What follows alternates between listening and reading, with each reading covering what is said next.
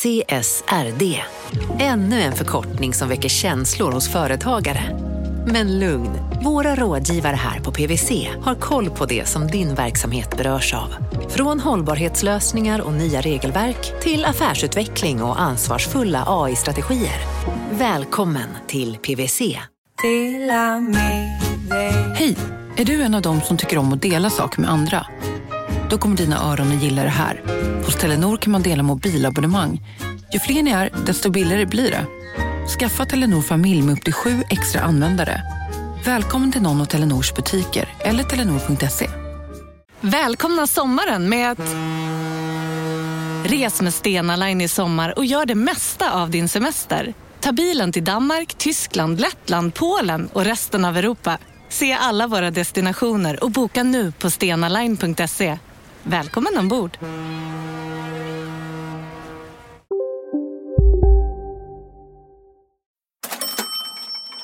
Om man inte gillar att se sin nya bil rasa i värde eller om man inte gillar att tanka och eh, i ärlighetens namn, vem gör det? Eh, nu kan man privatlisa en Mitsubishi Plug-in hybrid på 18 månader. Alltså betala en fast månadsavgift, kör bilen som om den vore din egen, men lämna tillbaka den efter bara ett och ett halvt år. och känn lugnet. Dessutom så är det här en bil som går 4,5 mil på el, vilket gör att en hyfsat normal stadsbilförare i alla fall aldrig behöver tanka, vilket äger. Gå in på mitsubishimotors.se privatleasing. Eh, Man väljer färg, tillbehör och skriver under med bank-id.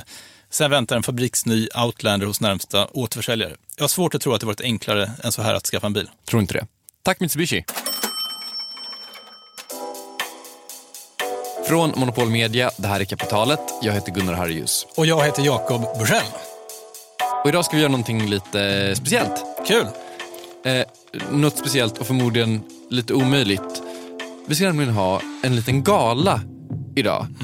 Gala musik, tack. Vi har nu svidat om, vi har smokingar på oss, vi har poppat en liten, liten champagne för nu ska vi dela ut ett pris. Vilket pris? Så här, en sak som vi brukar försöka göra här, som i alla fall jag är lite stolt över, det är att vi försöker nyansera saker. Alltså, att säga att saker kanske inte är så svarta eller vita som de verkar. Hitta lite olika sätt att se på saker. Idag ska allt det där ut genom dörren. Det onyanserade avsnittet. Det onyanserade, drastiska och kategoriska avsnittet.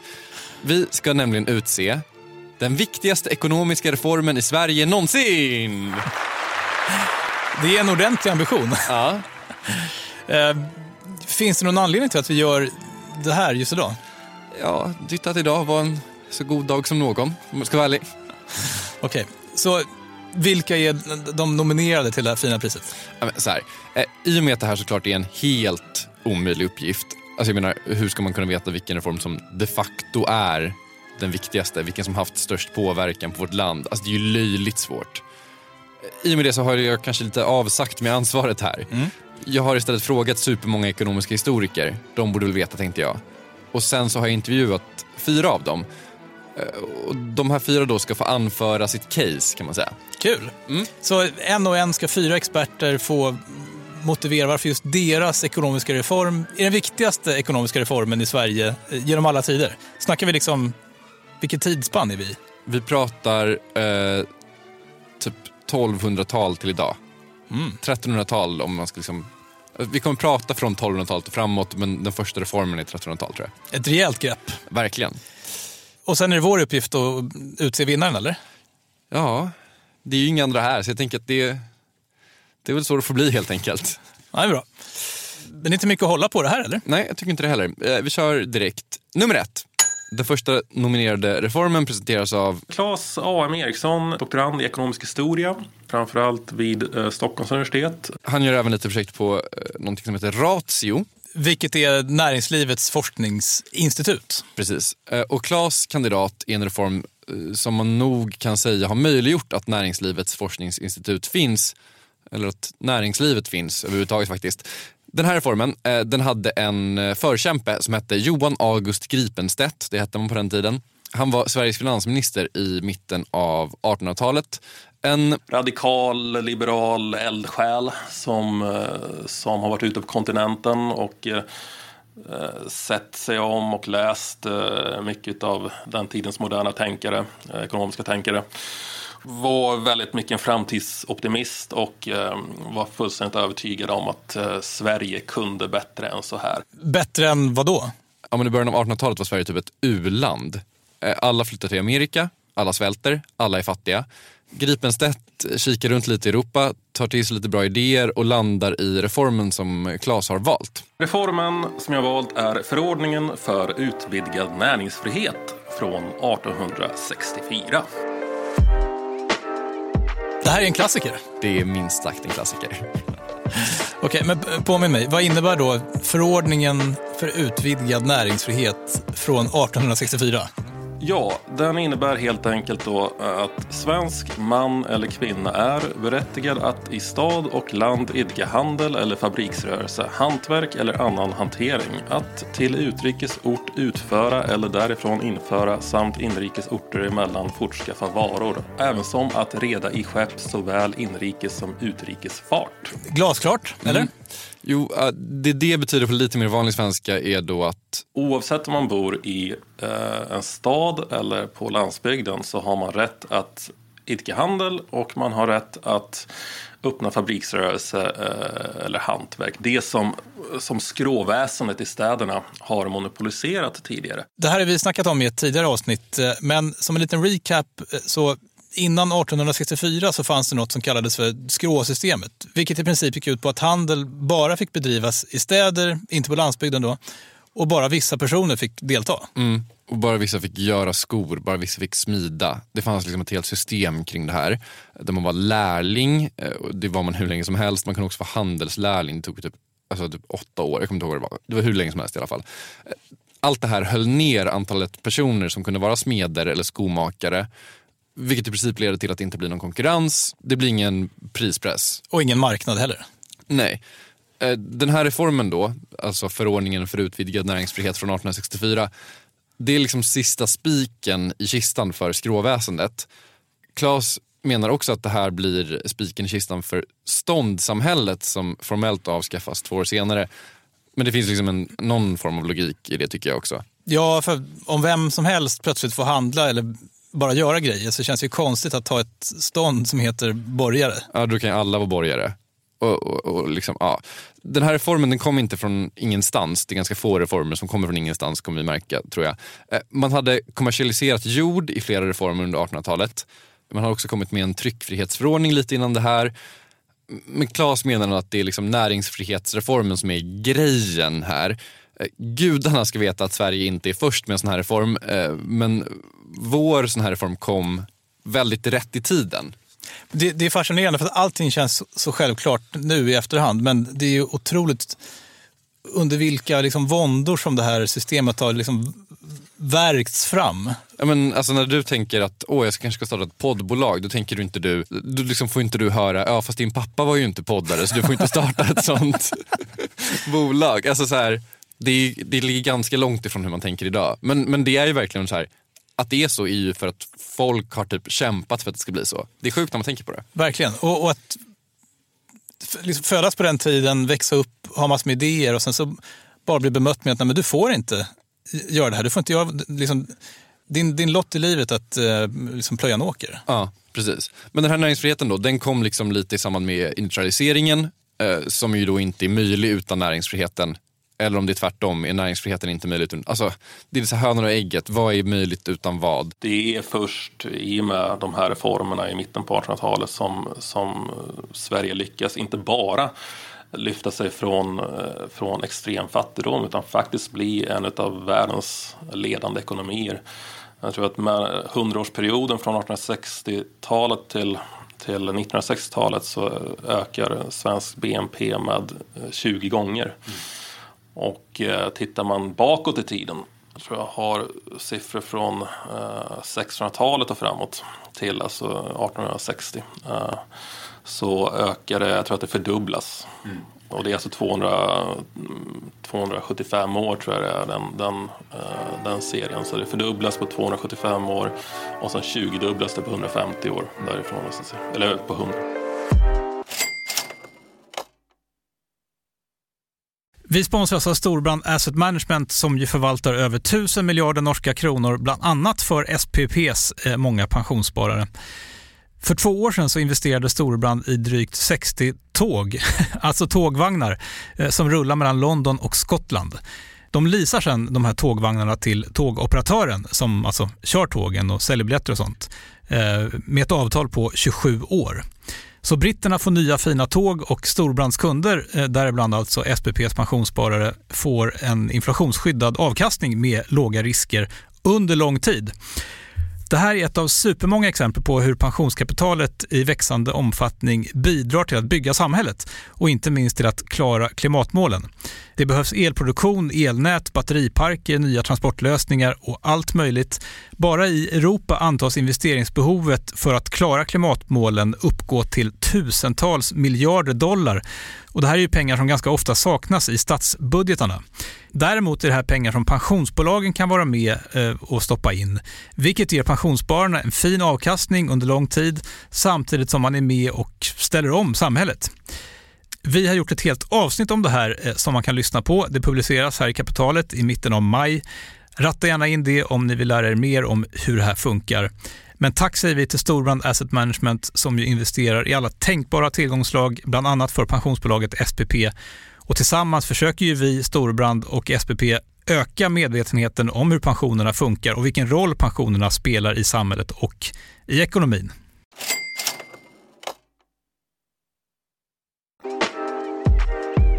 Sen kommer det massa andra reformer under 1900-talet såklart. Men Claes menar att de senare reformerna liksom bygger på den här reformen. Utan näringsfrihet, inget pensionssystem och så vidare.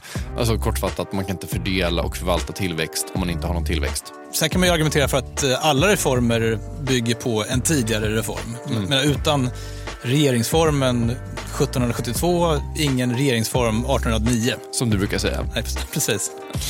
Det här var då den första nominerade. Vi har tre till. Eh, vi kommer att titta på 1200-talets väder, världens första bankrun och Jakob, den sista stora striden. Här blir en rafflande gala, det hör du. Efter det här.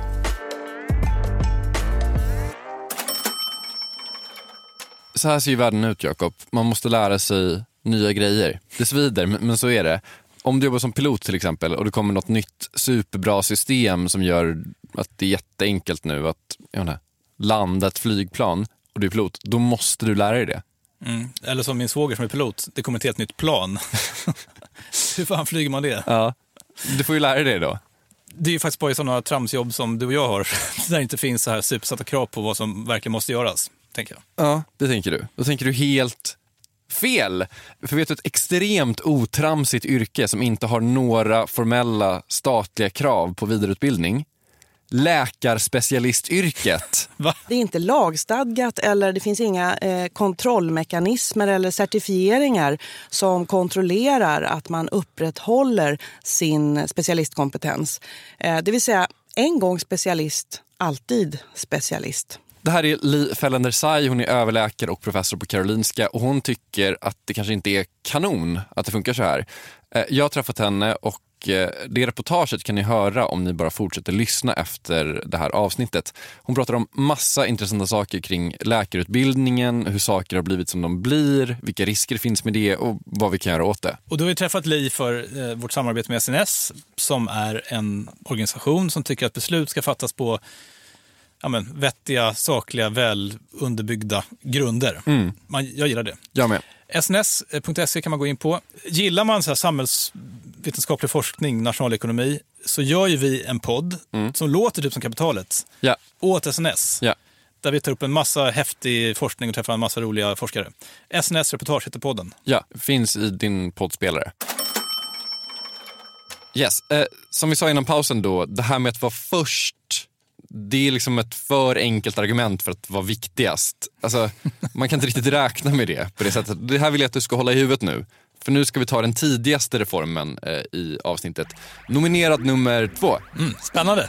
Ja, det är väl trevligt. Jag, jag heter Bo Fransén och jag är precis pensionerad universitetslektor på, från universitetet i Stockholm i ekonomisk historia och min forskning eh, de senaste nästan 30 åren har helt och hållet rört eh, medeltidens ekonomi och, sociala förhållanden. Okej, vad, vad hade man för problem på eh, medeltiden som man ville reda ut? Man, vet du vad, på medeltiden hade man nästan inga problem. Inga alls. Nej, skojar. Nästan allting var vidrigt på medeltiden. Och en av de vidriga grejerna man höll på med var slaveri. Sverige hade ett gäng landskapslagar, vi är nu på tidig medeltid. Eh, I dem så, så eh, är slaveriet en självklarhet. Men inte bara det, utan det är en hel paljett, en hel glidande skala av olika former av tvångsinstitut, inrättningar. Så att eh, i botten så har man trälkonor och trälar, rena slavar alltså. Och så ovanför dem då så finns det olika former helt enkelt. Den viktigaste är väl då de livegna, de som hade jord men inte fick skiljas från jorden. Men annars var, eh, när jorden såldes så gick eh, den livegne eller fostre, fostra som det hette då, män och kvinnor. Men sen fanns det jävträlar, det var människor som gav sig i frivillig eh, slaveri. Kanske för att enda chansen att försörja sig. Det fanns gäldträlar. Man kunde alltså till exempel gå in i slaveri för att betala av en skuld eh, i fem års tid. Det fanns också ett helt system för nyligen frigivna slavar. Brinnande frågor som huruvida deras barn skulle födas fria eller inte. Det var liksom olika beroende på vad det hade varit för slav tidigare. Kort sagt, det fanns en bra drös slavar i Sverige. Usch. Eh, Vet man hur många det fanns? Det är naturligtvis väldigt svårt att säga. Min före detta handledare Janken Myrdal, också medeltidare, han, han, har, han har approximerat kanske att upp mot en tredjedel av befolkningen eh, levde som ofria. Alltså en tredjedel, det är så sjukt. Eh, men okay, någon slags glidande skala men ändå obegripligt mycket av samhället som byggde på eh, ofrihet. Och då får jag gissa att Bo Franzén han kommer lyfta fram avskaffandet av det här slaveriet som, som den viktigaste reformen någonsin. Mm, det har du såklart rätt i. Eh, inte heller den här reformen kom från ingenstans. Eh, precis som i näringsfrihet så började det komma lite så frihetliga vindar i Europa vid den här tiden. Eh, det är också en brinnande högkonjunktur i Europa på 1200-talet. Då grundas tusentals små köpstäder eh, och säkert lika många bergslag. Och där är liksom, det finns ett, ett där gäller ett, ett slagord, liksom frihet. Kom till staden och bli fri. Där hade man inte de här tvångsinstituten utan, utan där gjorde arbetsgivare och, och arbetstagare upp om lönerna helt enkelt. Löner och arbetsvillkor och så. Som naturligtvis var hårda och, och så men, men Eh, och också är det en väldig folkökning och en kolossal nyodling. Och de här vågorna når även Danmark, de når Norge och Sverige. Så att eh, den urbaniseringen börjar väl inte, når väl inte Sverige från, på allvar förrän kanske 1275 så där ungefär. Då ett par generationer efter övriga Europa. Ungefär som EU.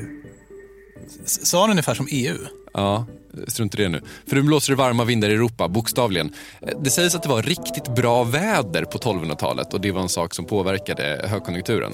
Det var hela 12 1200-talet. Ja men typ, alltså så här är det ju med saker som hände för jätte- jättelänge sedan. Det är ju superlurigt med källor och veta exakt. Men alltså, på riktigt verkar det så som att lite grovt kunna säga att det var dåligt väder på 1100-talet och 1300-talet och bra väder på 1200-talet. Och då började det dyka upp lite städer och med städer lite friare människor generellt och, och, och färre slavar. Ja, eh, Precis så. Eh, sen var ju inte alla med på det här ska sägas. Den stora jordägande adeln älskade inte tanken på att alla deras arbetare skulle bli fria. Eh, de drömde sig tillbaka till det ljuva 1100-talet då man inte hade frihetliga vindar utan man kunde handla med slavar. Det blivande borgarskapet i städerna däremot, de är emot slaveriet så vitt man vet nu alltså. Men vad, vad, händer då? Är det bara att borgerskapet går ut och säger att eh, nej, nu, nu struntar vi i det här slavsystemet? Alltså, inte riktigt. Det är ju så att det medeltida källmaterialet är naturligtvis väldigt tunt och svårbedömt och eh, eh, så att säga ojämnt bevarat. Men när den unge Magnus Eriksson tillträder tronen, han, han är ju vald då som en lite treårig pojke bara, men när han då tillträder tronen i mitten av 1300-talet och begår sin Eg- Eriksgata då utfärdar han ett brev eh, i Västergötland och vi har all anledning att tro att det här också gäller alla andra landskap där han förklarar att nu får ingen längre födas ofri i Sverige. Och det har man då sett som en, en slutpunkt. Vi har inga spår av livegenskap, slaveri och liknande efter det faktiskt. Så kungen går in och säger att nu är det slut med det här och alla säger bara ja, okej. Okay. Alltså, som sagt med källorna här, men det verkar lite så. Sen vill den jordägande adeln ha tillbaka det här någon gång, men det är fortfarande så att det aldrig återinförs i någon slags bred bemärkelse efter det här kungliga dekretet. Liksom. Man kan hålla på och gå in och peta och säga att om man som bonde flyttar till Hälsingland på typ 1600-talet så får man aldrig flytta därifrån. Det är väl någon form av jord, liksom, livegenskap. Hur som helst, på bred front kan man säga att slaveriet är avskaffat i Sverige i och med det här. Men om man säger att ingen får födas ofri, innebar det då att de så att säga, befintliga slavarna inte blev fria? Exakt så är det. Men det här var 1335 som det här kungliga dekretet infördes. 15 år senare drabbas Sverige av digerdöden, vilket avsevärt snabbar på avskaffandet av slaveri. Alltså det är liksom ett skämt, men alltså nästan hälften av alla som bor i Sverige dör i digerdöden eller någon av de två efterföljande pesterna. Och efter det, på riktigt, finns det inga spår av ofrihet i Sverige. Alltså man vet inte om det är för att alla slavar dog eller om det är för att okej, okay, nu har alla dött här, vi kan inte hålla på med slaveri efter det här. Alltså man får ändå perspektiv på sina små problem när man läser det här. Ja. Men så, pesten snabbar på avskaffandet av slaveriet? Mycket tyder på det. Verkligen. Alltså, bra reform ändå. Ja, bra reform. Jag tycker också att det är en bra krydda på en bra reform. Okej, okay. eh, vi trycker väl oss vidare här helt enkelt då. Eh, nominerad nummer tre. Så här långt har vi då en 1800-talsreform, eh, vi har en medeltidsreform med lite krydda. Mm. Vad ska vi landa nu? Ja, Cecilia Kahn, doktorand i ekonomisk historia vid Uppsala universitet. Vad har du med dig för reform? Jag har tagit med Riksbankens sedelmonopol från 1897 som genomfördes 1904. Mm, ett monopol. Ja, det gillar vi. Det är ett statligt monopol till och med, ett som riksdagen garanterar. För att förstå det här monopolet och reformens storhet så måste vi såklart gå tillbaka lite i tiden. 1656. Jag vet ju allt eh, vad som hände 1656. Ja. Vad hände 1656 Gunnar? Du blev bara påminn om den här lilla detaljen. Ja, ja jag förstår det. Eh, innan dess hade man mynt. Och då var det så att mynten var värda det det stod på dem. Alltså 10 dollar myntet var gjort av koppar för 10 dollar, det vill säga att det var hur stort som helst. Mm, just det. Så skulle du köpa en häst så, så fick du åka omkring med en kärra av sådana här mynt? Då. Ja, det var typ en kärra fylld av typ två mynt. Okay. så har man betalat för grejer med pengar innan 1656. Men eh, Stockholm Banco, eller Palmstrukska banken som bildades 1656 var ju först med att ge ut sedlar. De brukar ju anses vara världens första sedlar. Så Sverige var väldigt eh, tidigt ute och vi har en, en lång historia av betalningsmedel. Återigen ett ämne som har figurerat kapitalet tidigare. Mm. mm. Men Stockholm Bank och, de började då ge ut papperslappar där det stod typ den som har den här lappen han eller hon ska få 10 dollar. Och, och, så kunde man ta den här papperslappen till banken och hämta ut sitt kopparmynt. Mm. Men eftersom de här lapparna var liksom enklare att hantera än mynten så blev sedlarna jättepoppis. Mm, precis så. De här lapparna blev liksom valuta kan man säga. Eh, och eftersom det här bokstavligen var första gången man hade kommit på en sån här grej så visste man inte hur man skulle hantera sedlar. En grej man kom på, som många banker har kommit på sedan dess, det var att man behöver inte ha alla mynt på alla konton samtidigt. För alla kommer inte komma och hämta de här mynten samtidigt. Så man behöver liksom inte ha täckning för alla sedlar. Just det. Och så tog man det här lite för långt. Mm, det blev en rusning mm. och banken eh, föll. En klassisk bankrun.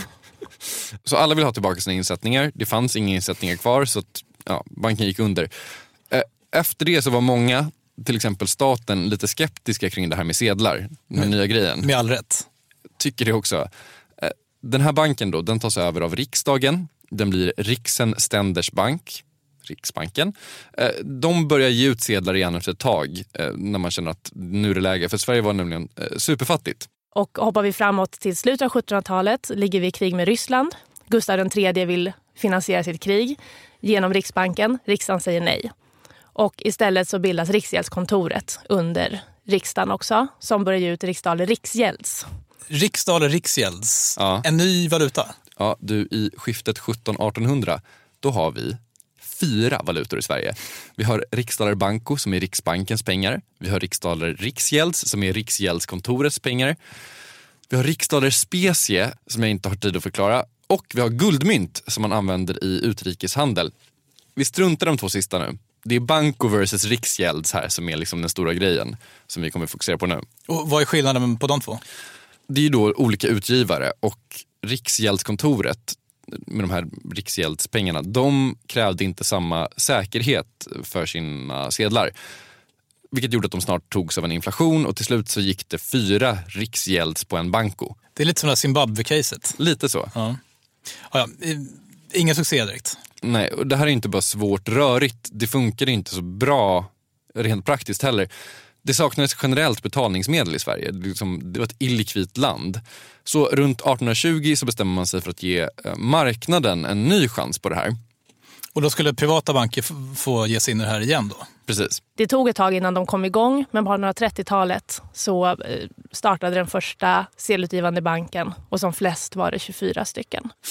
Alltså när man tycker att det är lite rörigt med fyra valutor så 24 stycken, det, är, det går inte att tänka sig. Men det är så kul att man går från så här, det här med fyra, det var väl lite stökigt, så vi går på 24 va?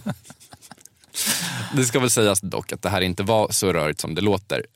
De, det var egna valutor, men alla kunde växlas in mot riksbanksedlar. Så att på ett sätt så var det bara en valuta.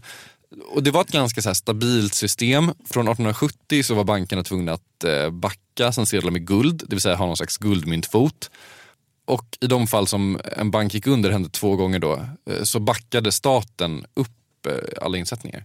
Det ska dock sägas, alla tyckte inte att det här med ett 24 bankers system var kanon. Det är ända sedan mitten av 1800-talet, eller från 1800-talet och framåt, så eh, kom det krav på att eh, monopol, göra ett monopol på sedlarna istället. Och det var ju framförallt för att man ville komma åt senioraget. Senioraget? Alltså vinsten som man gör på att ge ut sedlar. Okej, det ska sägas, det här är lite rörigt för det funkar annorlunda när man har det uppbackat av guld och inte. Eh, så att hur, hur seniorage funkar idag kontra hur det funkar då, det är lite olika tror jag och det finns riktigt röriga källor på det här. Men så här förstår jag det. Pengar sätts i omlopp via bankerna. Kapitalet sponsras av Master Exchange, plattformen där du som privatperson kan investera i låtar och får pengar varje gång de här låtarna spelas.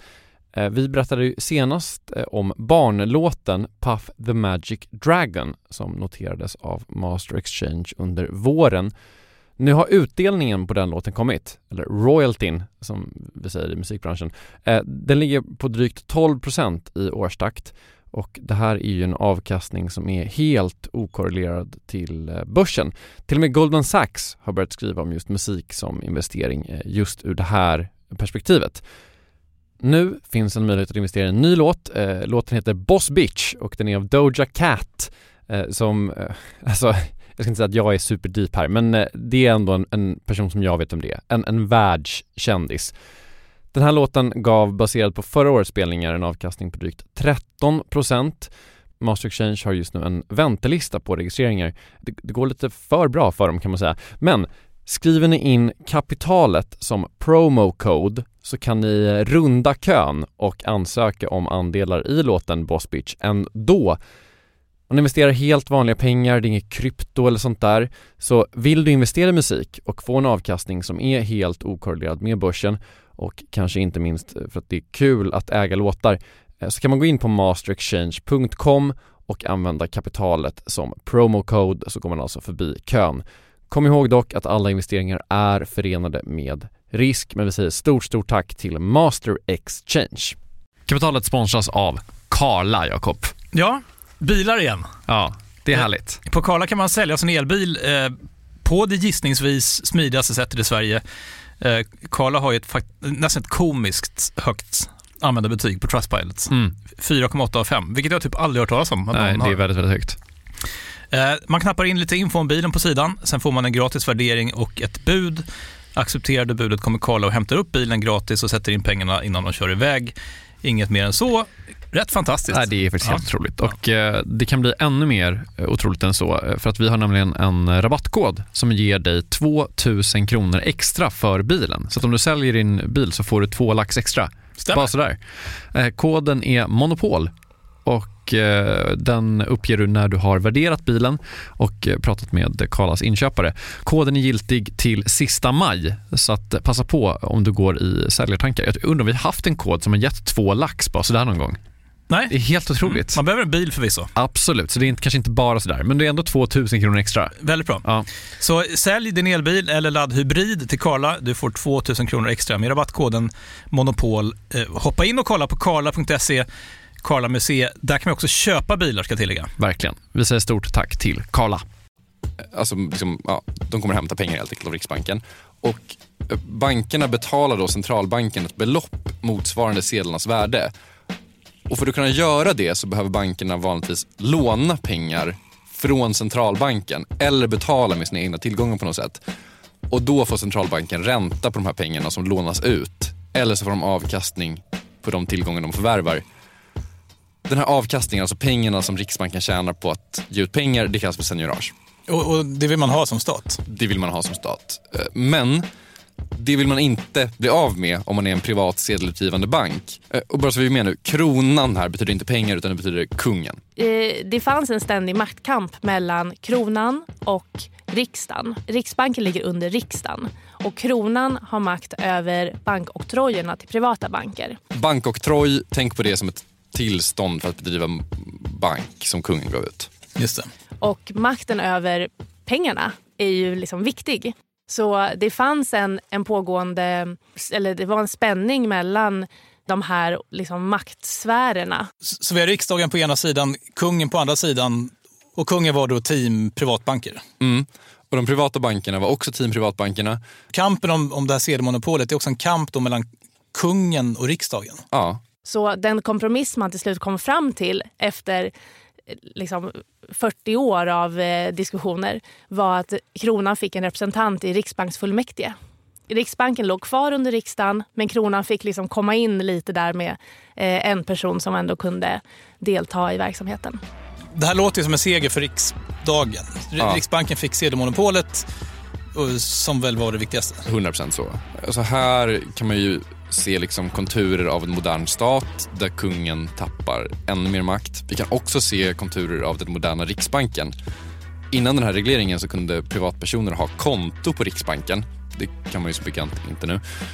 Eh, man blir liksom mer av bankernas bank här och räntepolitiken bör också hamna på Riksbanken. Alltså Riksbanken blir en riksbank, inte riktigt som vi känner igen den idag, men liksom, man börjar se konturer. En stark eh, kandidat då, för att återkomma till vår tävling tycker jag. Det tycker jag också. Alla, alla är bra. verkligen det är olidligt spännande skulle jag säga.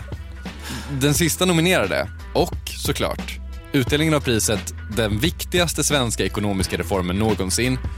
Alltså, jag sitter som på nålar. Efter det här. Eh, vi har två stycken poddtips som vi vill prata om. Den första podden heter Bokpodden. Det är Erika Eliasson på Lendify och Johan Anderberg på Affärsvärlden som varje vecka läser en ny bok om eh, ekonomi kan man väl säga. För att sen dissekera innehållet och lista ut vad boken säger om oss människor, om vår tid. I det nionde avsnittet av Bokpodden så tar man upp Brad Stones biografi om Jeff Bezos och bolaget som just nu håller på att ta över, ja, i princip Hela allt. världen. Din mamma, min mamma, Ja. min pappa, all handel och så vidare. Alla saker du någonsin har ägt eller kommer att äga. Boken är är faktiskt sjukt bra, jag läste den nu i höstas. Eh, Men vill man börja med ett litet smakprov på väg till eller från jobbet, då är Bokpodden helt perfekt ställe att eh, börja på. Mm. Bokpodden alltså, från Affärsvärlden och Lendify. Eh, Lyssna på den. Ja. Eh, Den andra podden som vi vill tipsa om, eh, det är Fastighetsprofilerna. Där är vi ju lite part i målet, det måste jag säga. Vi gör ju den podden. Men den här veckan vill jag bara säga att det är faktiskt ett lite speciellt avsnitt av Fastighetsprofilerna som finns ute. Är det? Mm. Jag har träffat den person som måste ha det absolut intressantaste livsödet i alltså, åtminstone Fastighetssverige. Kanske är det så att vi till och med har att göra med Sveriges intressantaste livsöde, punkt, här. Och vem är det här? Personen i fråga heter Sharam Rai. Han är vice vd för Balder. Det är ju spännande i sig såklart. Men han har också gjort sjukt mycket annat. Han kom till Sverige som flykting och drev vid ett tillfälle café, servicebutik, han var fastighetsförvaltare och hade sin egen humor-talkshow i tv samtidigt. Och när vi spelade in tv så eh, hade jag gjort upp att eh, när min telefon ringer så måste någon svara den. För det, det kan vara felanmälan från fastigheterna. För det gick direkt till mig. Så det var på riktigt så att eh, när telefonen ringde och det var felanmälan så, så skrek de bryt mitt under inspelningen. Så vet, regissören var ju helt vansinnig att det här går ju inte. Så om produktionen skulle ta tre månader att göra så tog den sex månader tack vare alla dessa felanmälningar som kom in under tiden. Den här otroliga historien hör ni i Fastighetsprofilerna, podden som vi gör tillsammans med eh, Tessin. Som är en investeringsplattform för fastigheter där man som privatperson eller institution kan investera i eh, intressanta fastighetsprojekt, få en avkastning och faktiskt bidra till att ett hus byggs. En skola, en logistikfastighet, ett dagis. Ja, härlig grej med andra ord. Podden heter alltså Fastighetsprofilerna. Lyssna på den. Ja, men det är väl inget att hålla på det här. Vi, vi kör på med den sista nominerade helt enkelt. Och här för att presentera den har vi... Rickard Westerberg, jag är doktorand vid Institutet för ekonomisk historisk och företagshistorisk forskning på Handelshögskolan i Stockholm. Det här ska jag säga är det kaxigaste förslaget. För eh, Rickard nominerar... En reform som egentligen bara blev en halv reform. Alltså han skickar in en halv reform i racet för den viktigaste ekonomiska reformen i svensk historia. Ja. Det måste vara en jävla reform. Ja, det, det är det. Uh, jag har valt uh, löntagarfonderna. Eh, Löntagarfonderna blev ju inte riktigt av som det var tänkt. Så argumentet för det här är väl lite av ett så what if-argument kan man säga. Om den här reformen hade blivit av som den ursprungligen var tänkt eh, när den presenterades 1975, då hade Sverige fått ett annat typ av ekonomiskt system. Eller i alla fall ett diametralt annorlunda ekonomiskt klimat. Så att löntagarfonderna inte genomfördes, eller genomfördes i en mycket mer urvattnad form, blir då enligt Rickard den viktigaste reformen? Den viktigaste reformen under 1900-talet i alla fall. Alltså vi ska komma ihåg att alla forskare vi har hört här har liksom en egen epok. Och, och Rickard kollar på 1900-talet så han kommer välja en 1900-talsgrej. Det är självklart. Och Bo Franzén är medeltidskille, han kommer välja en medeltidsgrej.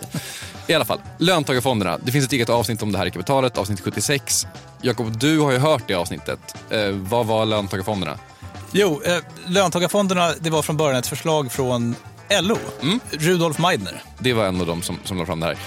Man kan väl säga att det här är kulmen på 1900-talets långa kamp om makt över kapital.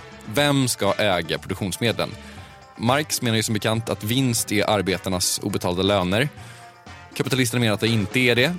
Idén om att, att de som arbetar i företaget också ska få ta del av företagets vinster, den är egentligen, det är liksom en så här liberal 1800-talsidé, har funnits väldigt länge. Och under 50 och 60-talen så bör den här frågan bli aktuell på nytt då? Mm, ihop med frågan om hur arbetare ska kunna ta större ansvar och få större inflytande över eh, företagen. I början av 70-talet så började Svenska Folkpartiet att driva frågan om medbeslutande och medägande på eh, företag. Och Socialdemokraterna, de gillar det här? Ja, så när LO och Rudolf Meidner lägger fram ett förslag på hur det här skulle kunna se ut i praktiken så tas det på extremt stort allvar. Och LOs förslag är, är redan från början då eh, väldigt radikalt och eh, går ut på, när det förslaget läggs fram 1975, att företagen ska avsätta en del av sina vinster till fackföreningskontrollerade eh, fonder. Och då ska det inte vara så att de här fonderna får pengar direkt utan de får aktier i företagen. Och efter ett antal år så kommer då de här fonderna att vara eh, majoritetsägare eller tillräckligt stora ägare i de här företagen för att, för att kontrollera dem. Man eh, tillsätter såklart en fin svensk statlig utredning där alla partier får vara med och även facken och Arbetsgivarföreningen. Och Arbetsgivarföreningen, som då hette SAF, eh, idag Svenskt Näringsliv, de gillade inte det här. Nej, i början var de bara lite så här halvt emot det. Eh, inte minst för att Handelsbanken-sfären var försiktigt positiva. De har ju ett system som heter Oktagonen som ju är en form av löntagarfonder. Men eh, SAF landade i att löntagarfonderna det är egentligen ett ifrågasättande av hela det rådande ekonomiska systemet och de beslutade sig för att vara kategoriskt emot det här. Okej, okay, men år av debatter följer. En jättestor demonstration från arbetsgivarsidan där typ liksom Sveriges finansmän och finanskvinnor gick med plakat längs med Kungsträdgården i Stockholm. 75 000 var de. Det här landar i ett urvattnat förslag eh, som sen också läggs ner eh, i början av 90-talet. Mm. Eh, fonderna mynnar ut ett gäng forskningsfonder eh, som bland annat landar i ett gäng regionala högskolor ska sägas. Så utan löntagarfonderna ingen högskolan i Dalarna. Det är en sån slogan som man, man kan föra fram. Eh, Men att reformen inte genomfördes, det fick också liksom konkreta följdeffekter. Så det här är ju, det här, och det här är ju sista, liksom, det, jag ska säga, det här är liksom sista striden om vem ska, vem ska kontrollera produktionsmedlen. Liksom. Och det är, ju, det är ju den gamla, eh, liksom, och det handlar ju i grunden om den politiska kampen mellan liksom, socialism eller, eller icke-socialism. Och efter det så får vi en annan typ av ekonomisk debatt som handlar, eh, som inte handlar om om huruvida det är staten eller eh, liksom privata kapitalister som ska äga svensk industri. Utan det handlar om, det handlar om valfrihet, det handlar om avregleringar, det handlar om privatiseringar. Och jag tror att, att, Sverige, att, att den här debatten kommer igång ganska tidigt i Sverige och att Sverige går ganska långt jämfört med andra länder i termer av olika typer av liberaliseringar och avregleringar av offentliga verksamheter. Det tror jag absolut hänger ihop med det här. Och att man från det här hållet där man vill driva på för mer av den typen av politik inser att, att vi har resurserna eh, och kapaciteten att, att göra det. Okej, så utan löntagarfonderna så hade dagens ekonomiska klimat sett helt annorlunda ut. Ja, enligt Rickard, alltså jag tycker, ja, det är klart det är så. Nu gör vi så här Jakob, för nu har vi hört alla fyra nominerade. Jag kommer helt enkelt lämna över den här frågan till dig. Jag känner att det här är helt omöjligt. Jag har gjort alla intervjuer, jag har hört alla case. Liksom, jag, jag är för insyltad i det här. Så Jakob Kjell, vilken reform var viktigast här egentligen? Avskaffandet av slaveriet, införandet av näringsfrihet, monopoliserandet av pengar eller icke-införandet av löntagarfonder? Alltså, hur ska jag kunna säga det här? Ja. Ja, men givet att, att eh, ja, men det är klart att den här slaverihistorien är stark. Ja. Ehm, utan den är det svårt att föreställa sig att de andra ens hade ägt rum. Ja. Men så kan vi inte tänka heller. Så fick vi inte tänka sa vi innan i alla fall. Jag hör ju hur du landar i nyansering här, vilket ju var liksom icke-syftet med avsnittet. Vi, vi skulle ju vara radikala och liksom kategoriska här, så nu vill jag bara liksom, du får helt enkelt gå på känsla. Vilken är viktigast? Jag har faktiskt en ganska stark känsla för det. Aha. Eh, och eh, ska jag utse vinnaren nu? Varför inte? Ja. ja då säger vi så här. Vinnaren av årets... Vinnaren av historiens... Vad säger vi? Bäst viktigaste. Ja. Vinnaren av historiens viktigaste ekonomiska reform är... Näringsfrihetsreformen. Wow! Wow, wow! Grattis! Shit, vilken grej! Hur känns det?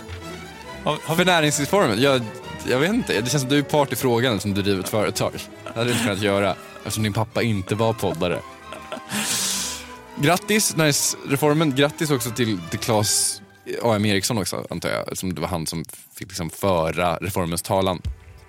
Kapitalet är slut för den här veckan, men häng kvar för om ni fortsätter lyssna så får ni höra Li Fällander Sai prata om vad som händer eller snarare inte händer inom den svenska sjukvården. Det är superspännande grejer, jag lovar. Jag heter Gunnar Arius, du heter Jakob Bursell. Kristoffer Krook har mixat det här. Gå in på Kapitalet på Instagram så hörs vi igen om en vecka. Hej då! Hej!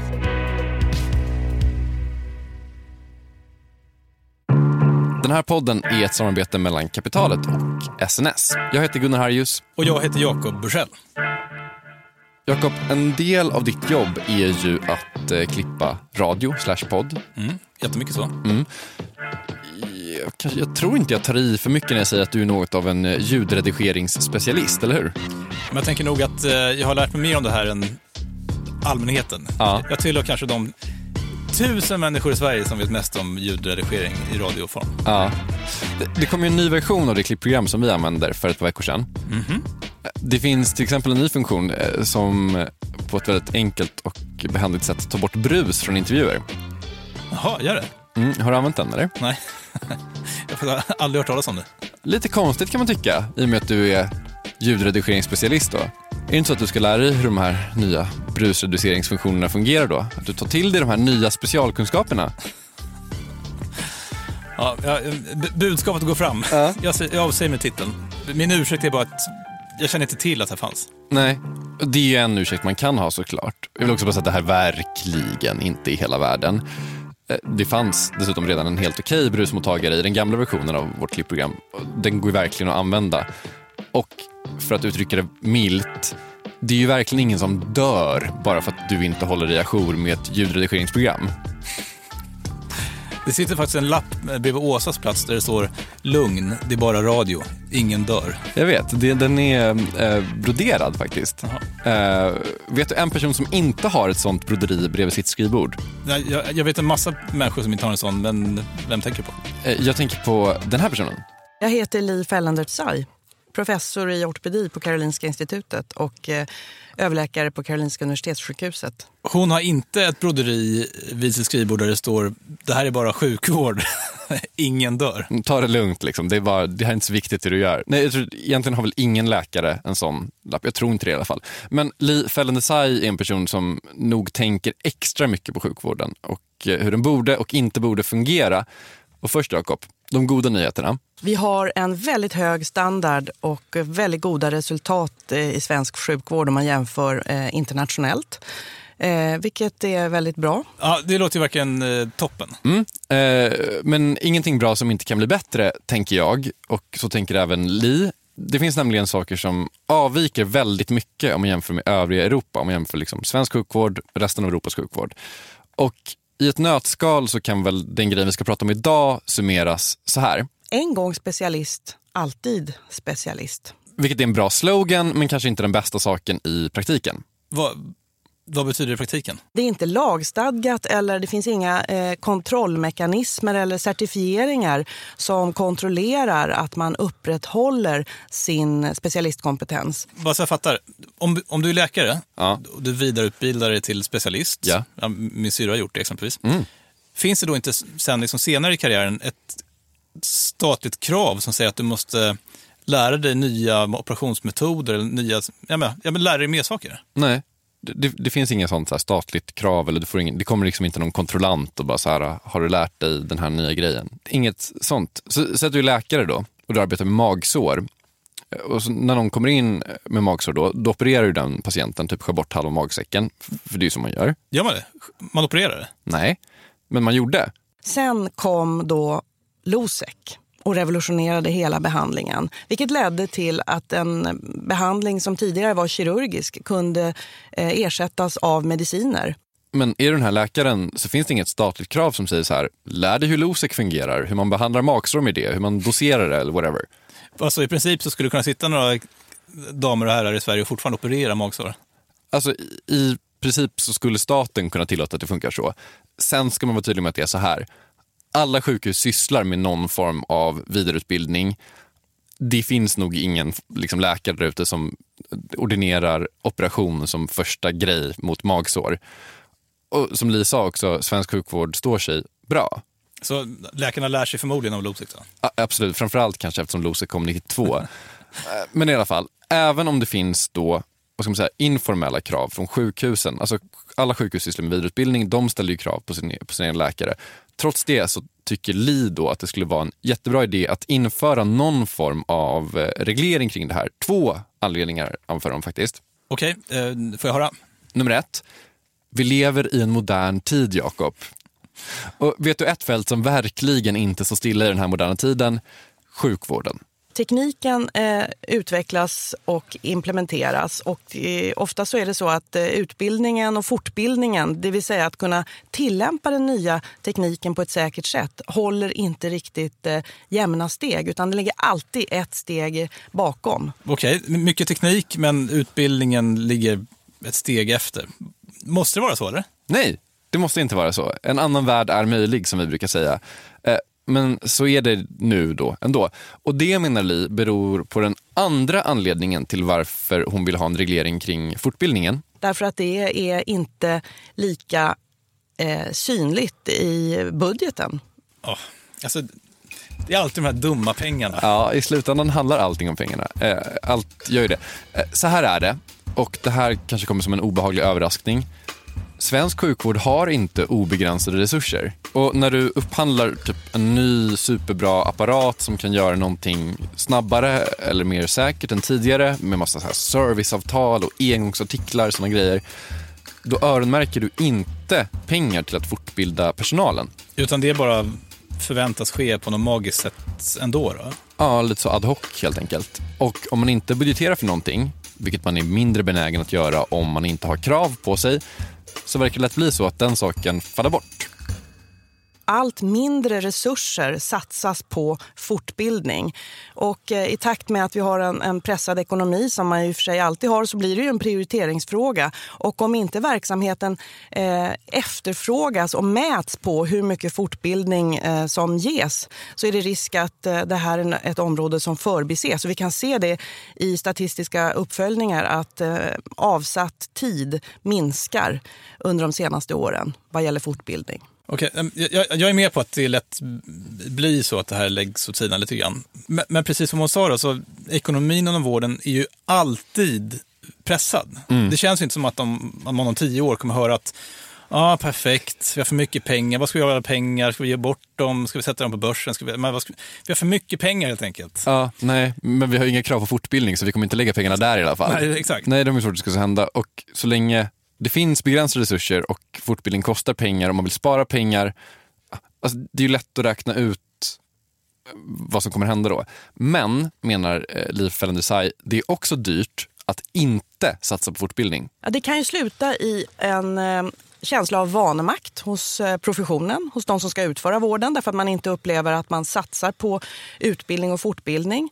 Eh, det kan leda till ökad stress för att man inte känner sig säker på de eh, behandlingsmetoder man ska ge. Och det kan leda till ökad personalomsättning med ökade kostnader som följd.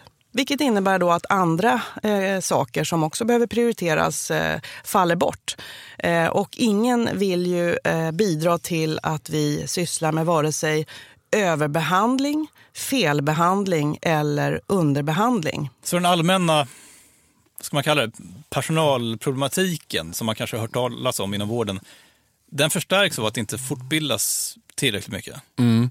Eh, Liv Desai menar att fortbildning och uppföljning, det är så två kanonåtgärder om man vill få personalen att må bättre, stanna kvar på sina jobb, vara bra på sina jobb, att det inte ska uppstå vårdskador. Ja, alla sådana saker är superdyra. Så om vi försöker summera det här. Svensk vård står sig bra, men det fortbildas mindre och mindre och, och det här kan på sikt leda till rätt stora problem.